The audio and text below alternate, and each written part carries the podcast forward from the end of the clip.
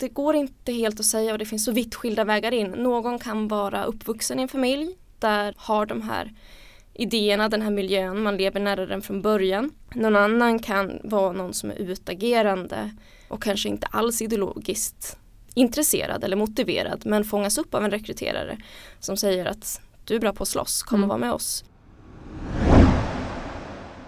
Du lyssnar på Socialtjänstpodden. Idag pratar vi om våldsbejakande extremism. Vem är jag till för som socialarbetare? Står jag på den svaga sida? Står jag på maktens sida? Min kompis sa att om man snackar med SOS så tar de barnen. att spara pengar till statskassan genom att utförsäkra en massa människor. Då biter man sig själv i svansen till slut. Och det är väldigt viktigt för Sverige att socionomer vill arbeta i socialtjänsten. De vill ha en socialtjänst där socialsekreterarna är stolta över sitt jobb. Hej och välkomna till Socialtjänstpodden. Podden för dig som är intresserad av socialt arbete och socialpolitik och som görs av Akademikerförbundet SSR. Våldsbejakande extremism och socialtjänsten har den senaste tiden diskuterats mest i förhållande till återvändare från IS. Men på de flesta håll i landet så handlar problematiken främst om högerextremism. Idag är vi två Josefin som gör podden eftersom jag har med mig Josefin Bergström som arbetar som rådgivare på Centrum mot våldsbejakande extremism. Välkommen! Tack så mycket, jätteroligt att vara här. Vad gör Centrum mot våldsbejakande extremism för något? Vi inrättades ju 1 januari 2018 som en fortsättning kan man säga på den nationella samordnaren som, som fanns innan. Eh, och vi har väl varit i, i drift sedan våren där någonstans, så, så ett och ett halvt år då ungefär. Ganska exakt nu. Vi samordnar, vi stöttar kommuner och vi samlar och sprider kunskap kan man väl säga väldigt, väldigt kortfattat. Ehm, så det innebär att hålla nätverk med socialtjänsten, att ehm, ge seminarier, att åka ut och stötta kommuner på plats, att hålla en stödtelefon bland annat. Ehm, så det är en rad olika verksamheter under samma. Och vilka är det ni samordnar? Är det Mm. fler liksom myndigheter som också är involverade? Ja, precis. Det finns ju en lång rad myndigheter som har uppdrag eh, när det kommer till våldsbejakande extremism. Så mycket handlar om att samordna dem, eh, även på liksom regional nivå. Vi tittar ju på eh, mot, mot landstingen, hur vi kan få in en fot där. Och sen också det lokala, alltså samordna mellan kommuner. Man kan väl också säga att det finns en slags vertikal samordning i form av att plocka upp behov på kommunal nivå, frågor eh, som, som dyker upp, utmaningar, hinder och sen Mm. kunna lyfta dem uppåt till de platser dit de frågorna behöver, Mm. behöver gå. Så lite både liksom från nationellt håll ner till lokalt och tvärtom. Precis. Hur ser det då ut med utbredningen av våldsbejakande extremism i Sverige? Mm. Där handlar det mycket om hur man definierar eh, vad våldsbejakande extremism är. De här miljöerna är ju väldigt eh, suddiga i kanterna. Det är Mm. svårt att helt avgränsa. Och, och, och lite beroende på, tittar man på exempelvis Säkerhetspolisen så pratar man där om att den islamistiska miljön är den mest utbredda eh, när man ser till, till individer som så Säkerhetspolisen följer. Mm. Det man behöver ha med sig då är att det handlar ju kanske om eh, organiserade människor eller sådana som, som man eh, ser kan ha motiv eller förmåga eh, att begå attentat. Och det skiljer sig en del från liksom de här större mm, rörelserna. Så det beror helt på vad vi, vad vi tittar på. Tar vi exempelvis den högerextrema miljön och inte bara tittar på, på den organiserade delen utan den stora, den som finns på nätet, den Mm. som har inspirerat till ett flertal dåd i, eh, i närtid över världen så är ju den på frammarsch och den är ganska stor och bred. Sen vet man inte riktigt men, men det finns lite, lite olika svar på, på den frågan. Och hur definierar ni våldsbejakande extremism?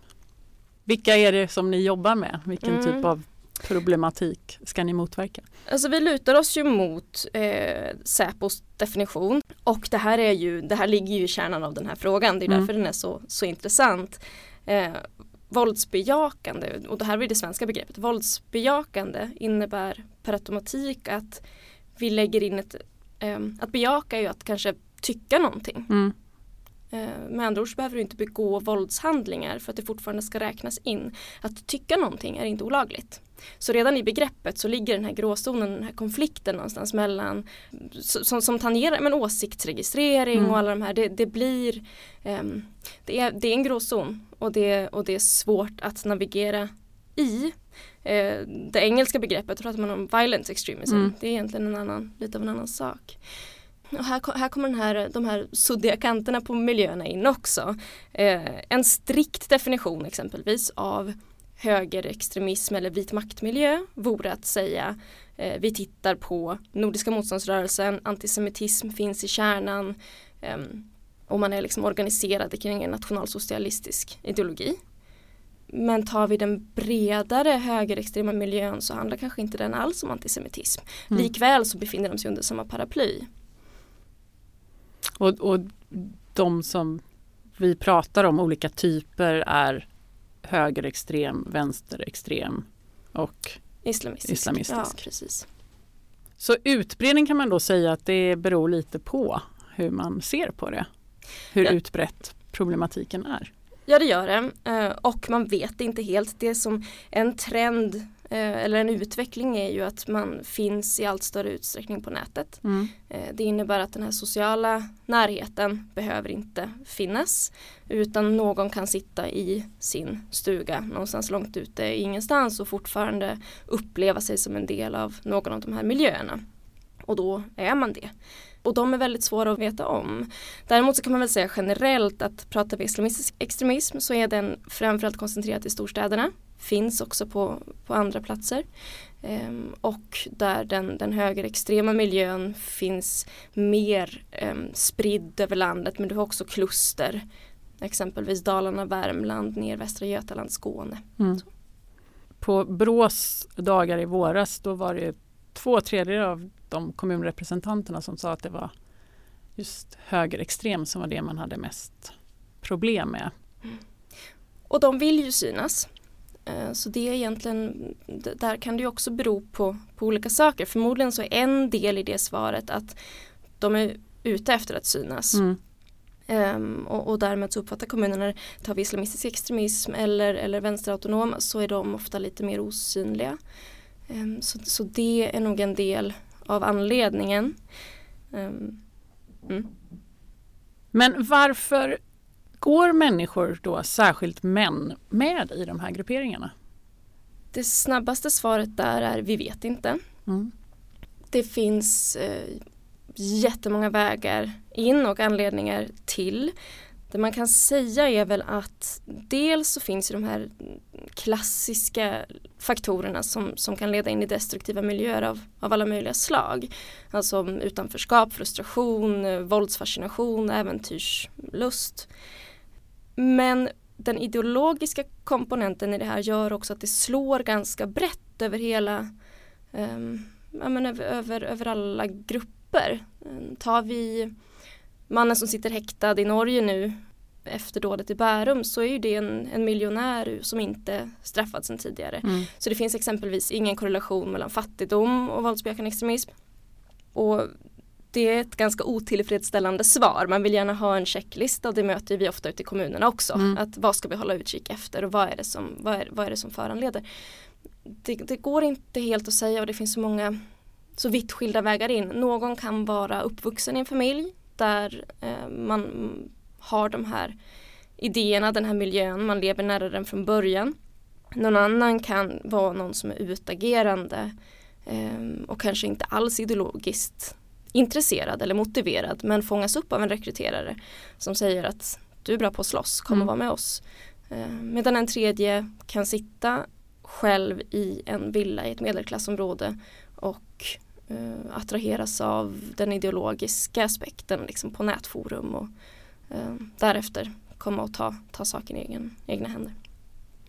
Um, för en sak som jag tänker utifrån socialtjänstens perspektiv är att man kan ju tro att det handlar främst om unga personer, att mm. det gäller att vi går in och gör saker när det gäller unga eh, personer. Men samtidigt de som har rest till Syrien, där var medelåldern 27 år yeah. och när man tittar på radikalisering i genomsnitt i Norge så är det liksom 30-årigar. Yeah. Eh, och jag vet att Segerstedtinstitutet i Göteborg de lyfter ju fram mer att det här mest är brottsliga individer som får en annan mening för sin brottslighet eller våldsutövande. Mm.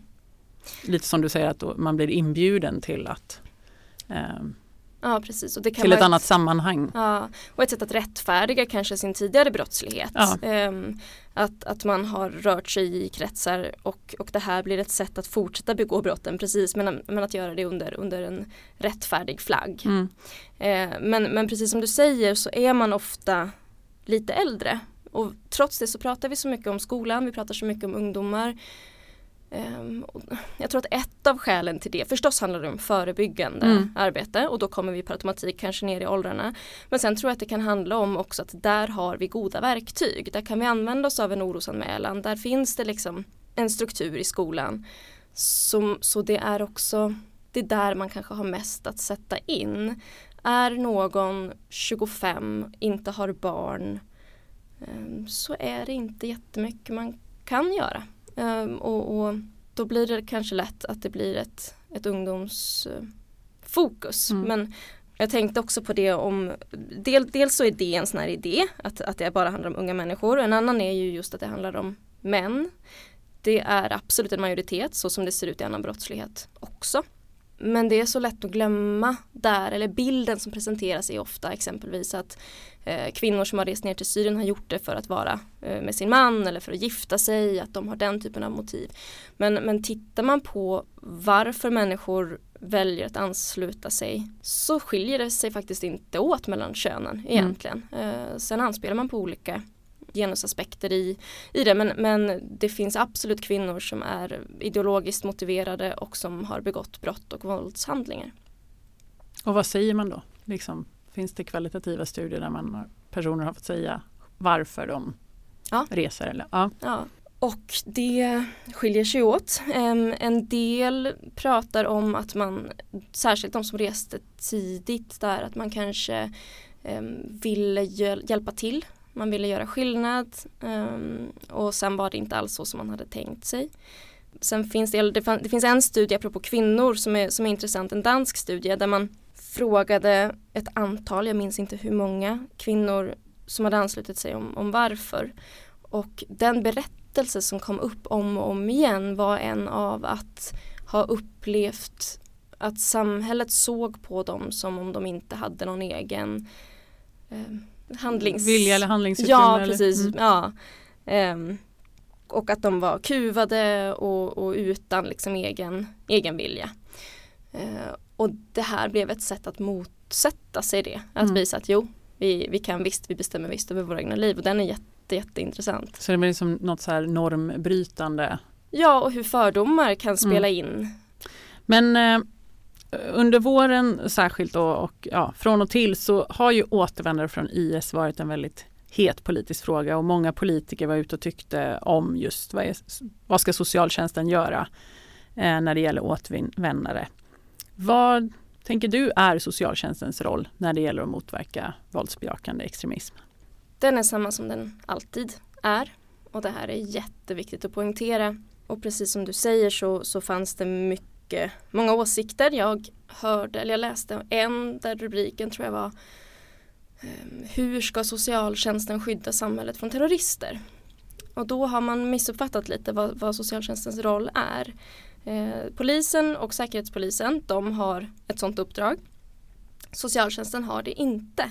Utan det handlar om att ge stöd och det stödet kan ju heller aldrig vara villkorat. Mm. Eh, för där finns det ju också idéer om att så här, per automatik så ska alla barn som återvänder LVUas Mm. eller att eh, de som återvänder inte ska få ekonomiskt bistånd till Mm. exempel.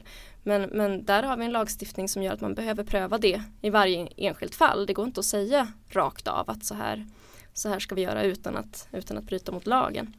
Sen är ju frågan av en sån art att det ofta blir väldigt nervöst och obekant. Eh, så man kanske glömmer bort de rutiner som faktiskt finns. Det Mm. tycker jag att vi kan stöta på ibland också. Att, att man kan få en fråga om så här, hur, ska vi, eh, hur ska vi hantera det här, det här ärendet.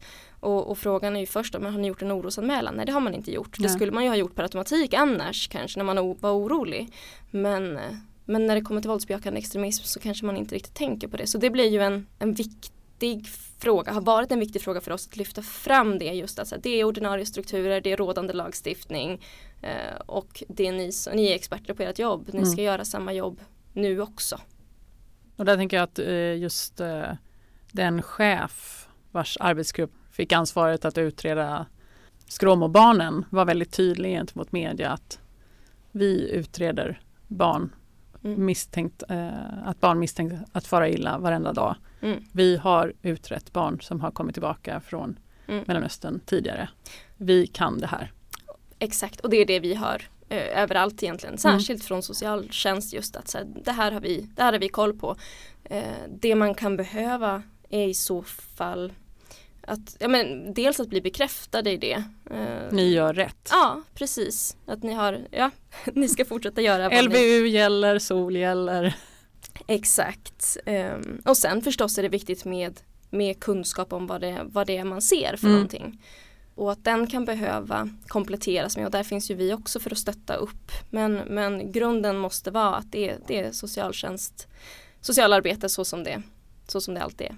Och att det är liksom eh, man får inte en polisroll bara för att det handlar om våldsbejakande extremism utan polisen har fortfarande sin roll ja, och säkerhetspolisen har sin roll. Mm.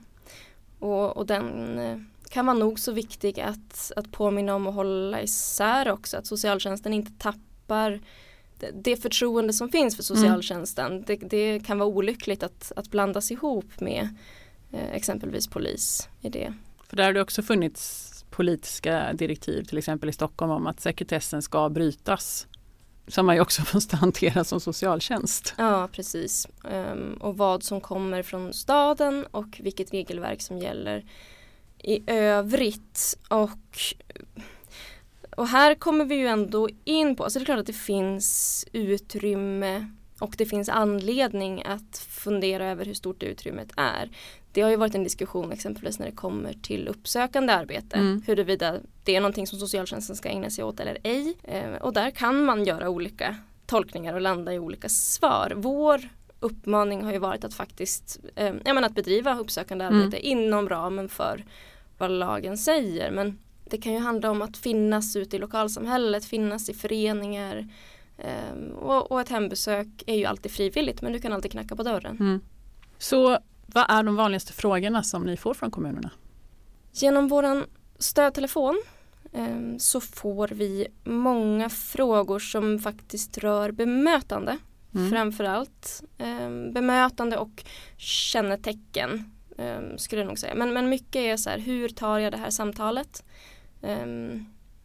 Och, ehm, och sen också hur känner jag igen, hur kan jag ja, göra den här avvägningen liksom, och var går jag vidare med min information någonstans.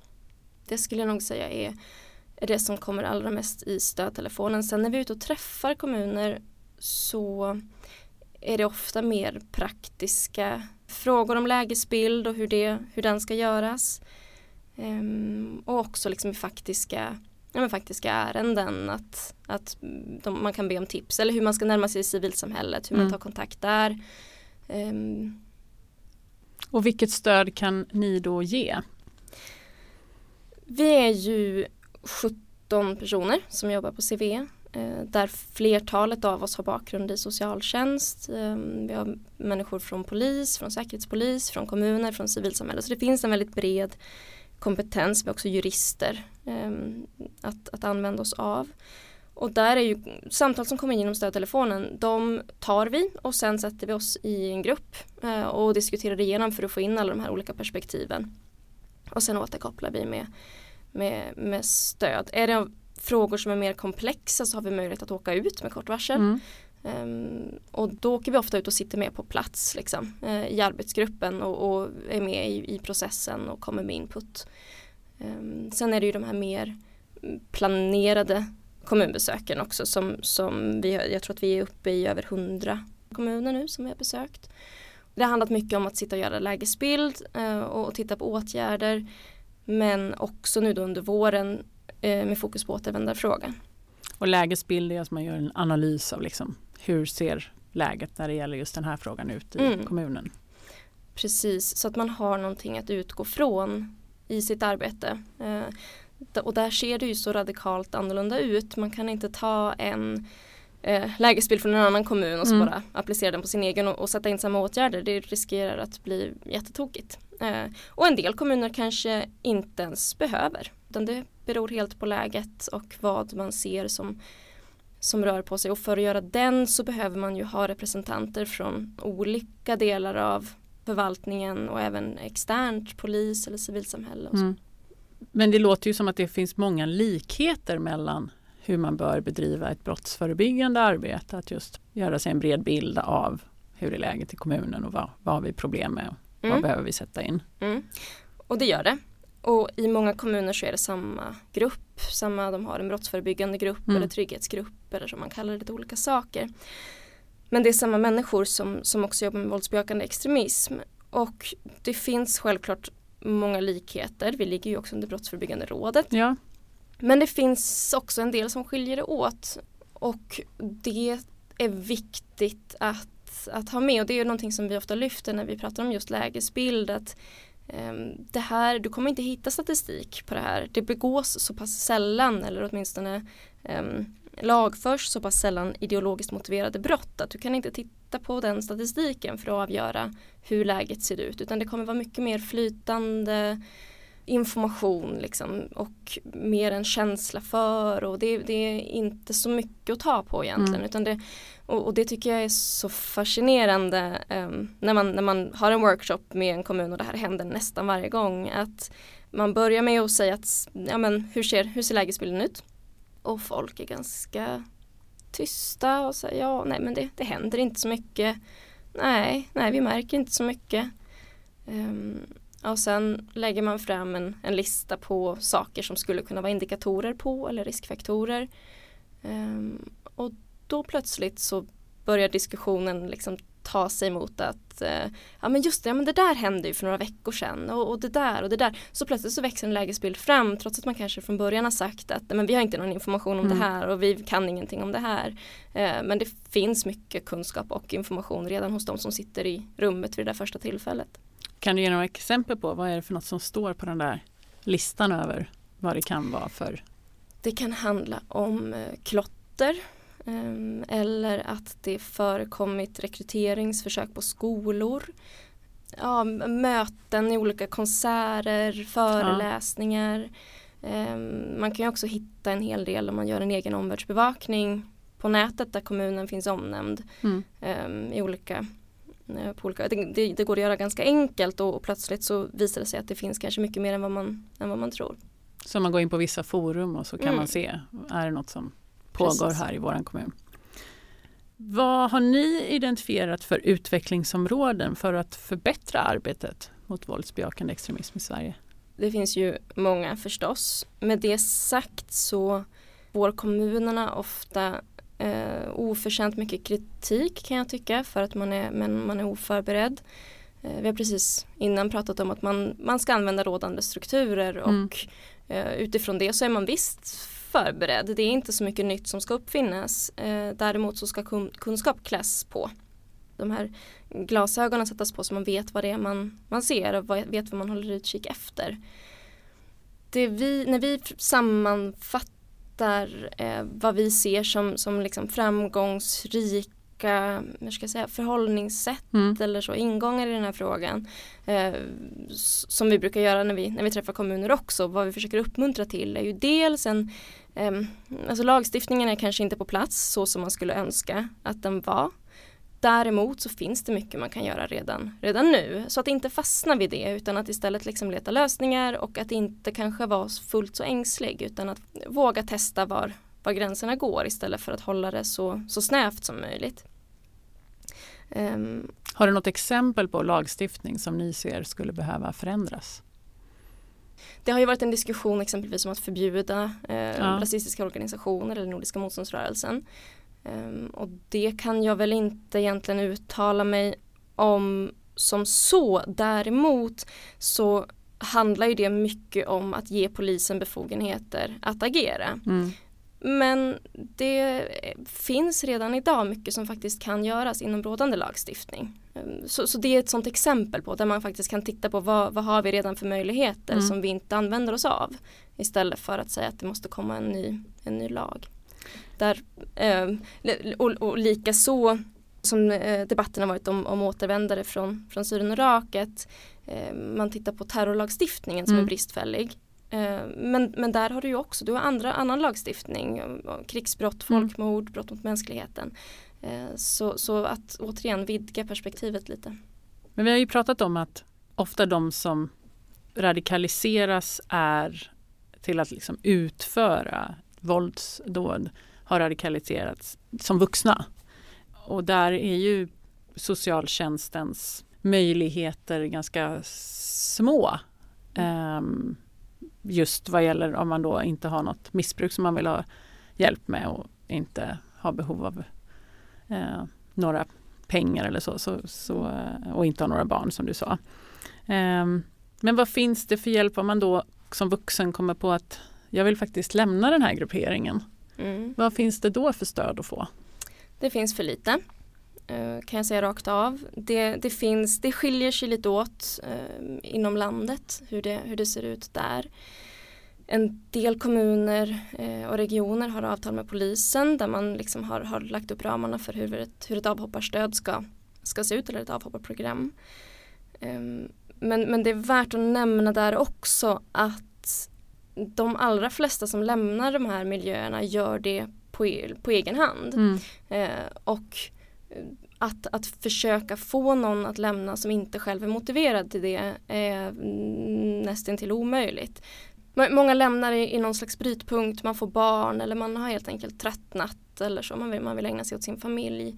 Eh, och sen kan det ta många, många år innan man faktiskt tar det steget eller innan man ideologiskt har lämnat. Mm. Eh, men vad som är vad som är viktigt, jag sa precis att, att, att man eh, eh, att man inte kan, kan hjälpa någon att lämna som inte själv är motiverad. Däremot under den här fasen när man kanske tvivlar, när det såtts ett frö och man funderar på, där tror jag att det är väldigt viktigt att man hittar en struktur som gör att kommuner kan med kort varsel eh, säga ja till en mm. sån person.